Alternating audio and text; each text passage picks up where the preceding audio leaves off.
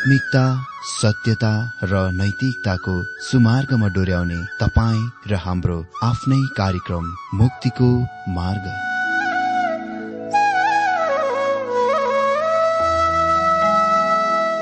आदरणीय श्रोता यस मुक्तिको मार्ग कार्यक्रममा हार्दिक स्वागत छ आशा छ यस आत्मिक कार्यक्रमद्वारा जीवनमा आत्मिक आशिष अलौकिक शान्ति र आनन्द प्राप्त गर्नुहुनेछ। र जीवनमा धन्य अनुभव गर्नुहुनेछ। आउनुहोस् श्रोता मन र आत्माको तयारीको लागि यो मिठो अनि मधुर भजन गीत सुनौ।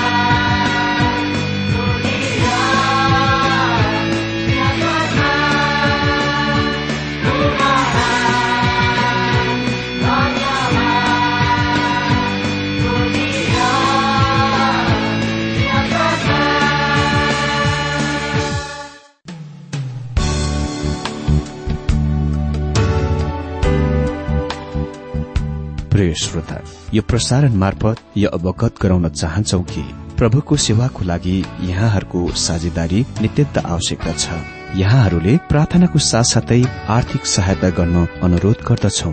तपाईँहरूको सानो भन्दा सानो भेटी किन नहोस्? हामी प्रभुको नाममा स्वीकार गर्नेछौ प्रभुको सेवाको लागि। तपाईँहरूको यो सानो लगानीले कसैको जीवनमा भिन्नता ल्याउँछ अनि प्रभुको महिमा हुन्छ। प्रभु तपाईँहरूलाई महान गरी आशिष दिनुहुनेछ। इच्छुक श्रोताहरूले तपाईँको इच्छा भेटी हाम्रो ठेगानामा पठाउन सक्नुहुन्छ जुन ठेगाना हामी कार्यक्रमको अन्तमा दिनेछौं।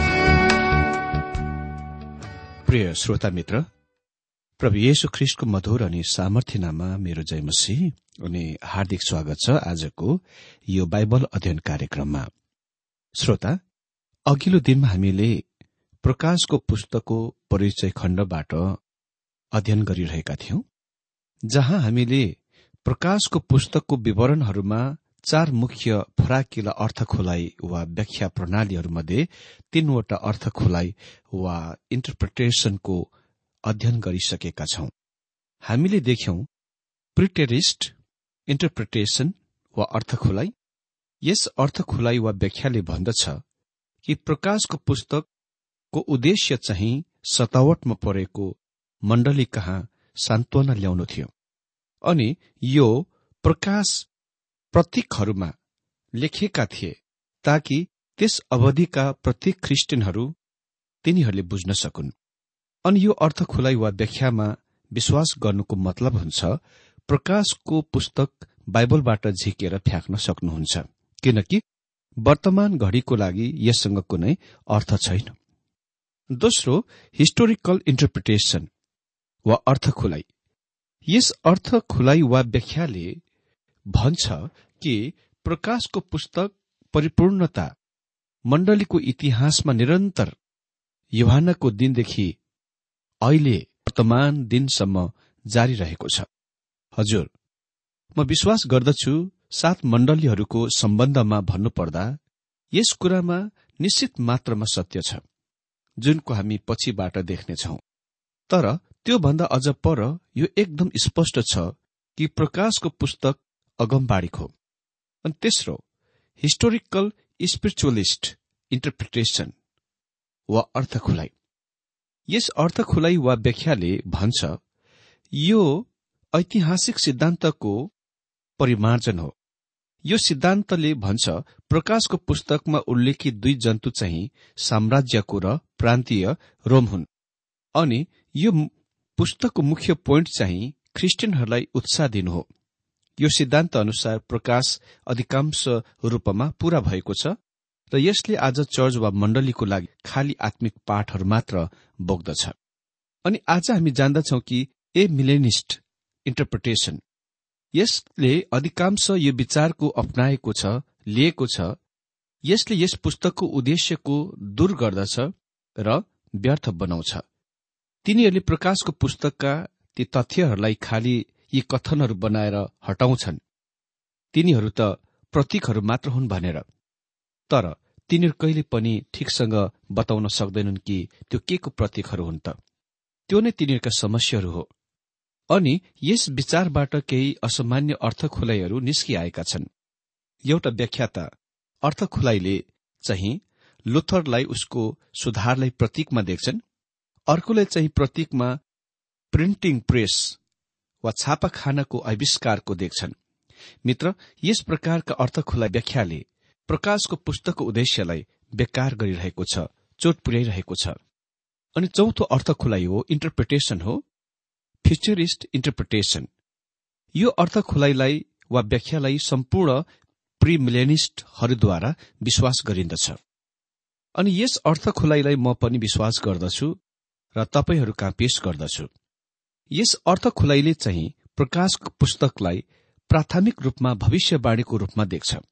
प्राय गरेर प्रेमिलेनिस्टहरूले अर्थ खुलाइ वा व्याख्याको निश्चित रूप आकृतिको पछ्याउँछन् जुनले प्रकाशको पुस्तकलाई पुष्टि गर्दछ। यसको हामी यस पुस्तकको रूपरेखा दिँदा देख्नेछौ। यो महिमित ख्रिस्टको प्रकाशसँग आरम्भ हुन्छ। त्यसपछि मण्डलीलाई हाम्रो सामने ल्याइन्दछ।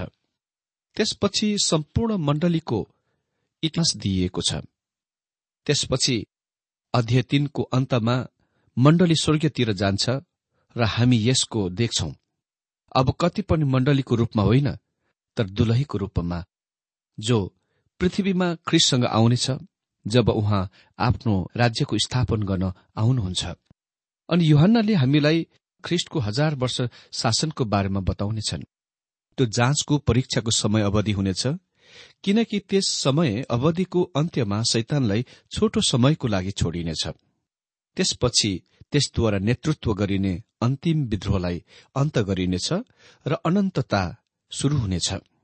यो नै प्रकाशको दृष्टिकोण वा विचार दृष्टिकोणको सामान्यतय स्वीकार गरिएको छ। मित्र आज पनि त्यहाँ कोही आलोचकहरू छन् जसले यो विचारको आलोचना गर्दछन्। म एकजना यस्ता पुस्तकको पढिरहेको थिएँ जसले आफ्नो पुस्तकमा यो कुराको भरण पोषण गर्दछन्। प्रिय मिलेनिस्ट फ्युटरिस्ट दृष्टिकोण वा विचार दृष्टिकोण वा सिद्धान्त कुनै त्यस्तो कुरा हो जुन एकदम नयाँ छ। म यो कुराको स्वीकार गर्नेछु कि विगत केही वर्ष अवधिमा यसको पूर्ण रूपमा विकास गरिएको छ जस्तो कि अरू अन्य अर्थ खुलाइ वा व्याख्याहरूको विकास गरिएको छैन आजभन्दा करिब सत्तरी अस्सी वर्ष पहिले पूरा ख्रिस्टियन जगतमा धेरै गरेर यो सिद्धान्तको परिचय गरिएको थियो जुनलाई पोस्ट मिलेनिजम भनिन्छ। यस सिद्धान्तले सिकाउँछ र विश्वास गर्दथ्यो कि संसार झन राम्रो राम्रो हुँदै जानेछ। मण्डली चर्चले पूरा संसारलाई प्रभु कहाँ विश्वासमा ल्याउनेछ अनि त्यसपछि ख्रिष्ट आउनुहुनेछ र शासन गर्नुहुनेछ। मित्र त्यो विचार दृष्टिकोण वा त्यो धारणा आज लगभग मरिसकेको छ। दुईवटा विश्वयुद्धपछि विश्वव्यापी विषादपछि र संकटकालीन परिस्थितिहरू जुनमा भएर विश्व गइरहेको छ त्यहाँ अति नै कम मानिसहरू छन् जसले यस विचार दृष्टि वा दृष्टिकोणको मान्दछन्। आजभन्दा करिब सत्तरी अस्सी वर्ष पहिले विश्वका बाइबल कलेजका प्रायजसो प्रोफेसरहरूले पृथ्वीमा ख्रिष्टको हजार वर्षीय राज्य शासनको विश्वास गर्दथे।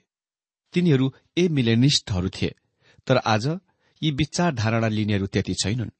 मित्र यसै प्रसंगमा म भूतकालका धेरै मानिसहरूका दृष्टिकोण वा विचारधारणाहरूको दिन गइरहेको छु।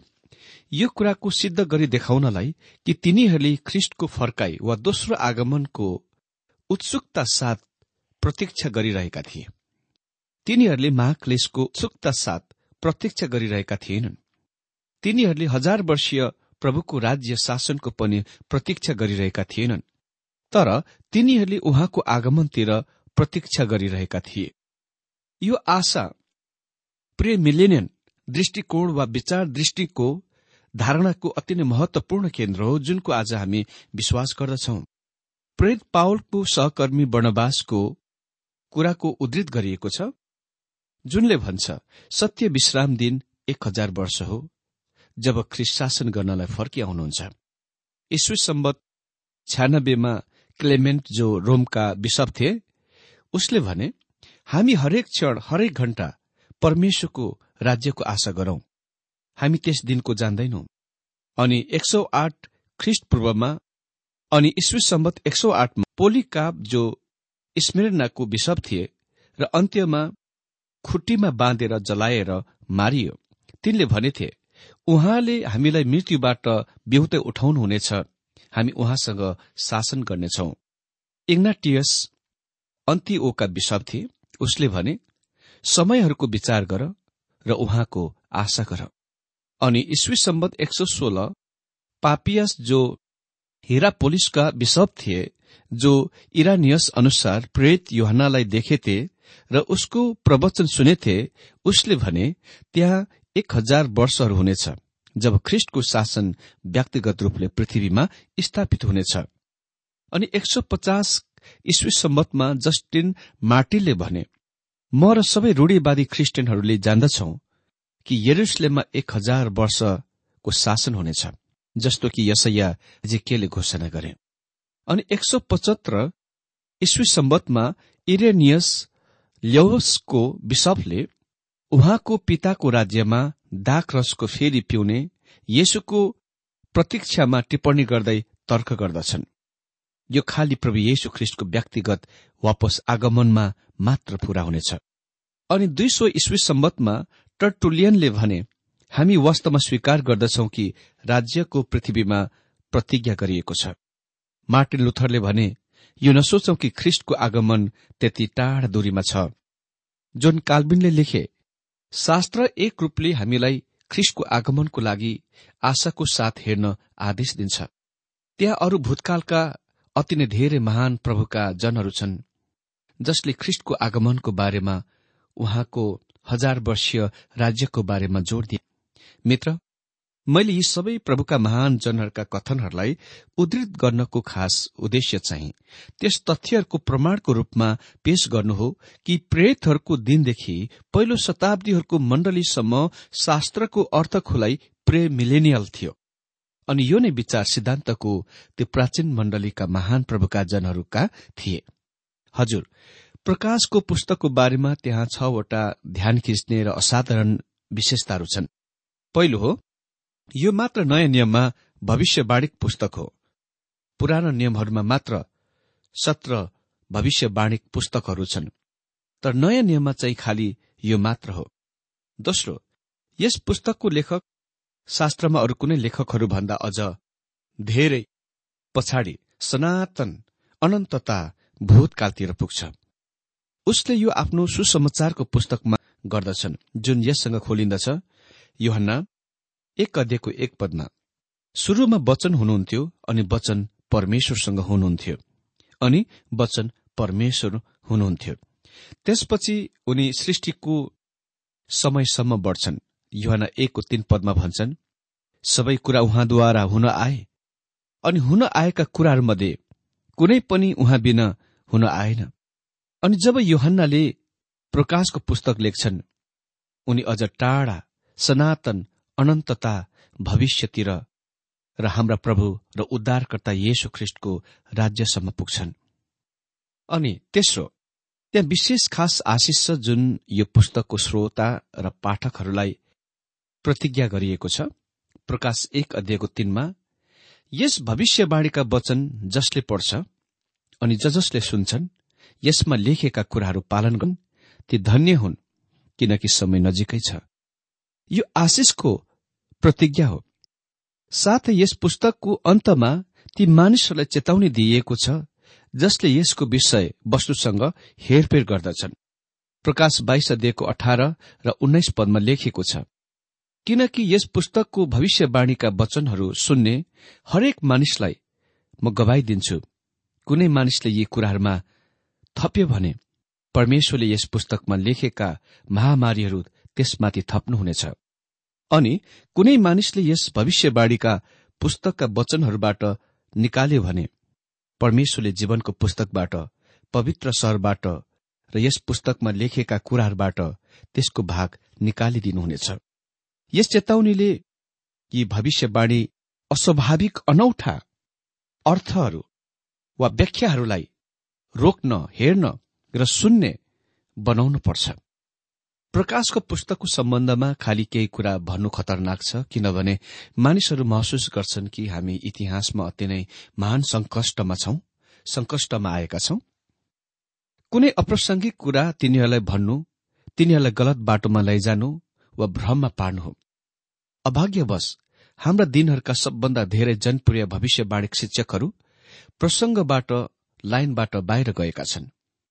त्यसले अति नै गम्भीर समस्या खड़ा गरेको छ। अनि पछि त्यसबाट व्यापक र अप्रत्यक्ष प्रभाव पाउनेछौ चौथो यो लाहाछाप लगाइएको पुस्तक हो। दानियालाई तबसम्म पुस्तकको मोहोर लगाउन लाहाछाप लगाउन भनिएको थियो जबसम्म अन्य जातिको समय खतम होइन दानियल बाह्रको नौ पद अनुसार। तर युहानलाई भनिएको छ प्रकाश बाइस सदेको दश पदमा यस पुस्तकका भविष्यवाणीका वचनहरूमा छाप नलगाओ किनकि समय नजिकै छ। मित्र यो छाप लगाएको पुस्तक होइन। वास्तवमा यो बाइबलमा सम्भवत एक उक्तम संगठित पुस्तक हो। यो प्रतीकहरूमा व्यक्त गरिएको दर्शनहरूको अनुक्रममा वा मालाहरू हो जुन वास्तविकतासँग व्यवहार गर्दछ। अक्षरस वा शाब्दिक अर्थ खोलाई व्याख्या सधैँ अधिक रुचाइएको छ जबसम्म युहानले यो स्पष्ट बनाउँदैन कि त्यो अर्कै कुरा छ अन्यथा छ भनेर। अर्थात् लाक्षणिक छ भनेर। अनि छैटौं यो अति नै ठूलो रेलको स्टेशन जस्तै हो जहाँ भविष्यवाणीका रेलहरू शास्त्रमा अन्य भागहरूबाट आउँदछन्। प्रकाशले कुनै कुराको आरम्भ गर्दैन शुरू गर्दैन। बरु यसले कहीँ कतै शास्त्र आरम्भ भएको शुरू गरेको कुरालाई पूरा गर्दछ र निष्कर्ष निकाल्दछ। यहाँ कमसे कम दश महान भविष्यवाणीका विषयहरू छन् जुनले यहाँ तिनीहरूका पूर्णताको भेटाउँदछन्। यो नै कारण प्रकाशको पुस्तकको बुझाइको लागि बाइबलका अन्य पुस्तकहरूको ज्ञान आवश्यक जरुरी कुरा छ। यो गन्ती गरिसकिएको छ कि प्रकाशका पुस्तकमा पुरानो नियमका पाँच सय भन्दा धेरै संकेतहरू वा सन्दर्भ संकेतहरू छन्। अर्को शब्दमा यो पुस्तकका आधा भाग जति चाहिँ पुरानो नियमको वा तपाईँको बुझाइ वा ज्ञानमाथि आश्रित हुन्छ। अनि अब फेरि प्रकाशको पुस्तकमा एयरपोर्टको रूपमा हेरौं जहाँ दश महान एयरलाइनहरू हवाई जहाजहरू त्यसमा आउँछन्। हामीले बुझ्न आवश्यक छ कि कहाँ तिनीहरू आरम्भ भएथे र कसरी त्यसको विकास गरिए जब त्यो प्रकाशको पुस्तकमा आउँदछन्। भविष्यवाणीको दश महान विषयहरू जुनले आफ्ना परिपूर्णता यहाँ भेटाउँदछन् ती यी हुन् प्रभु येशु ख्रिष्ट यो पुस्तकको विषय हुनुहुन्छ। यहाँ विषय पशुहरू क्रोधको भाँडाहरू होइन तर पाप बोक्ने येशु ख्रिष्ट। उहाँको बारेमा उल्लेख गरिएको सर्वप्रथम चाहिँ पछाडि उत्पत्ति तीन अध्ययको पन्ध्र पदमा हो जहाँ उहाँलाई स्त्रीको बिउ वा सन्तान भनिएको छ। दोस्रो मण्डली पुरानो नियममा आरम्भ हुँदैन। यो मती सोल अध्ययको अठार पदमा प्रभु येशुद्वारा उल्लेख गरिएको छ। अनि म पनि तिमीलाई भन्दछु तिमी पत्रुस र यस चट्टानमाथि म आफ्नो मण्डली बनाउनेछु अनि नरकको ढोकाहरू यसमाथि विजय हुने छैन। तेस्रो सन्तहरूको वा पवित्र जनहरूको पुनरुत्थान र रूपान्तरण। युवाना चौध अध्यय पहिलो थिस्लोनिकी चार अध्ययको तेह्रदेखि अठार पहिलो कुरन्ती पन्ध्र अध्ययको एकाउन्नदेखि बाहुन पद। अनि चौथो कुरा महाक्लेश जुनको बारेमा पछाडि व्यवस्थाको पुस्तकमा चार अध्यायमा पनि बताइएको छ जहाँ परमेश्वर भन्नुहुन्छ उहाँका मानिसहरू संकष्टमा हुनेछन्। अनि पाँचौं शैतान र दुष्ट। इजिकेल अठाइस अध्ययको एघारदेखि अठार पद।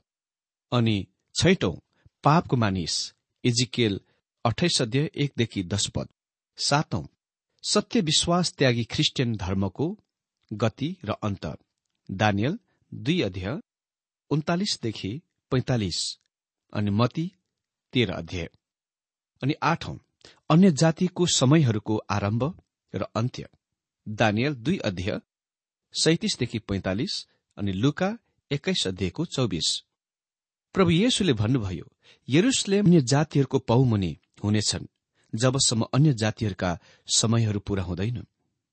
नौ ख्रिष्टको दोस्रो आगमन यहुदा एक अध्यय चौध र पन्ध्र पद अनुसार हनोकले त्यसको बारेमा बोले जुनले हामीलाई पछाडि उत्पत्ति उत्पत्तिको रेकर्डको समयतिर लैजान्छ।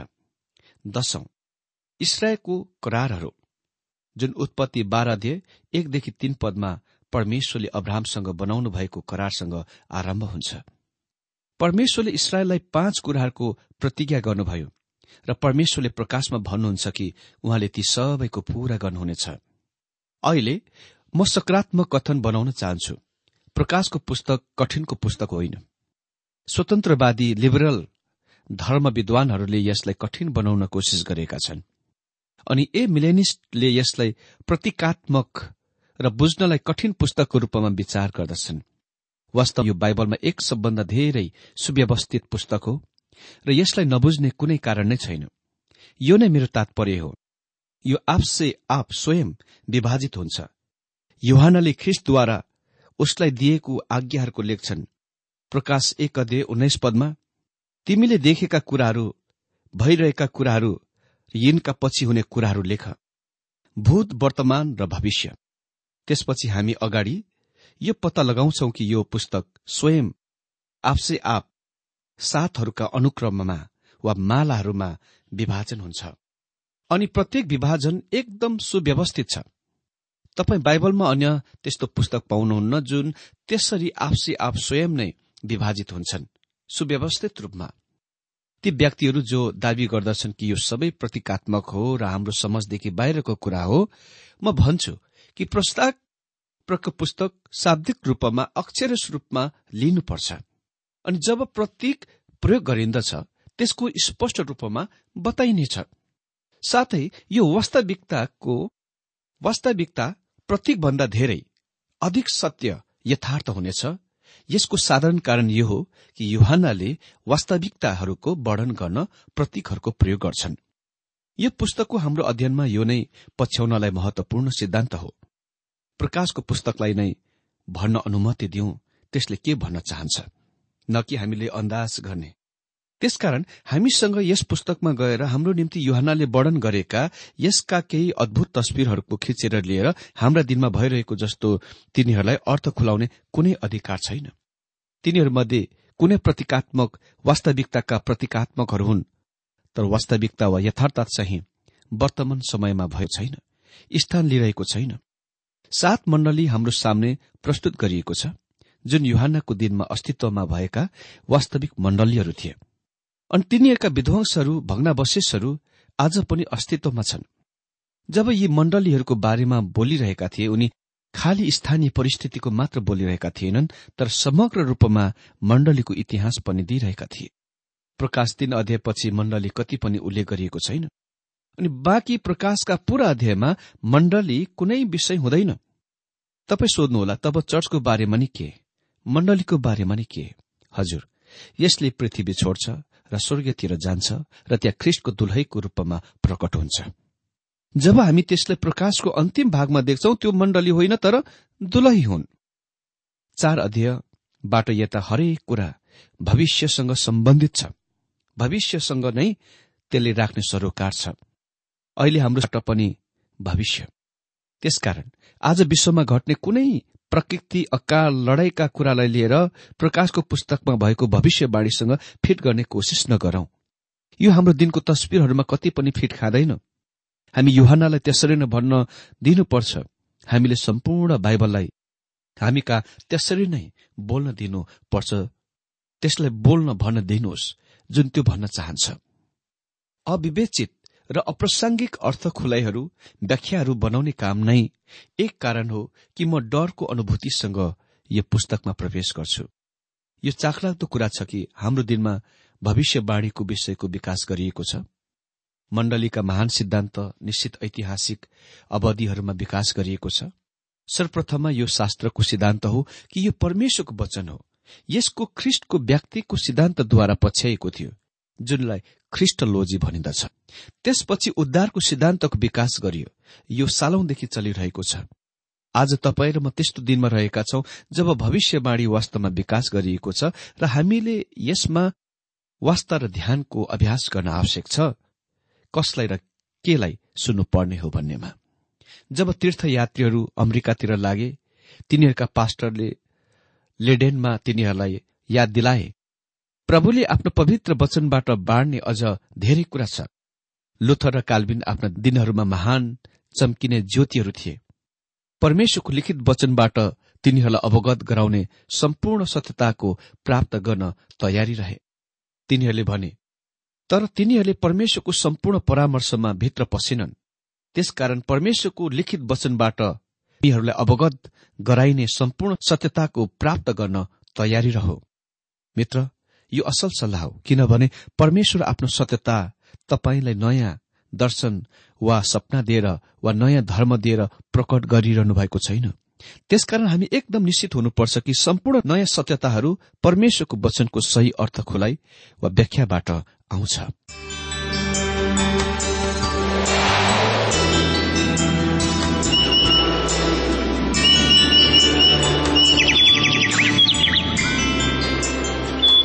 प्रिय श्रोता अहिले भर्खरै तपाईँले टीडब्ल्यूआर नेपालद्वारा सञ्चालित आत्मिक कार्यक्रम मुक्तिको मार्ग सुनिरहनु भएको थियो। श्रोता आजको यो कार्यक्रम सुनेर तपाईँलाई कस्तो लाग्यो? यदि यो कार्यक्रम सुनेर मनमा कुनै खुल्दुली वा कुनै प्रतिक्रिया अर्थात सुझावहरू छन् भने हामीलाई पत्रद्वारा लेख्न सक्नुहुनेछ।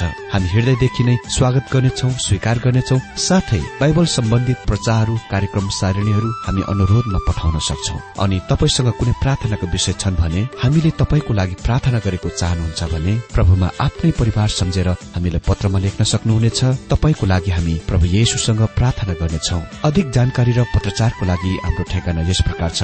कार्यक्रम मुक्तिको मार्ग जीपीओ नम्बर उनानब्बे पचहत्तर इपिसी पच्चिस एकसठी काठमाडौँ। ठेगाना एकपल्ट सुन्नुहोला कार्यक्रम मुक्तिको मार्ग जीपीओ नम्बर उनानब्बे पचहत्तर इपिसी पच्चिस एकसठी काठमाडौँ। हाम्रो इमेल एड्रेस हो TWR Nepal at Yahoo dot com साथै यस नम्बरमा एसएमएस गर्न सक्नु सक्नुहुनेछ अन्ठानब्बे चार सत्तरी पैतिस छ सय उनासी नौ आठ चार सात जिरो तीन पाँच छ सात नौ। हुन्छ श्रोता आजलाई हामी विदा चाहन्छौ।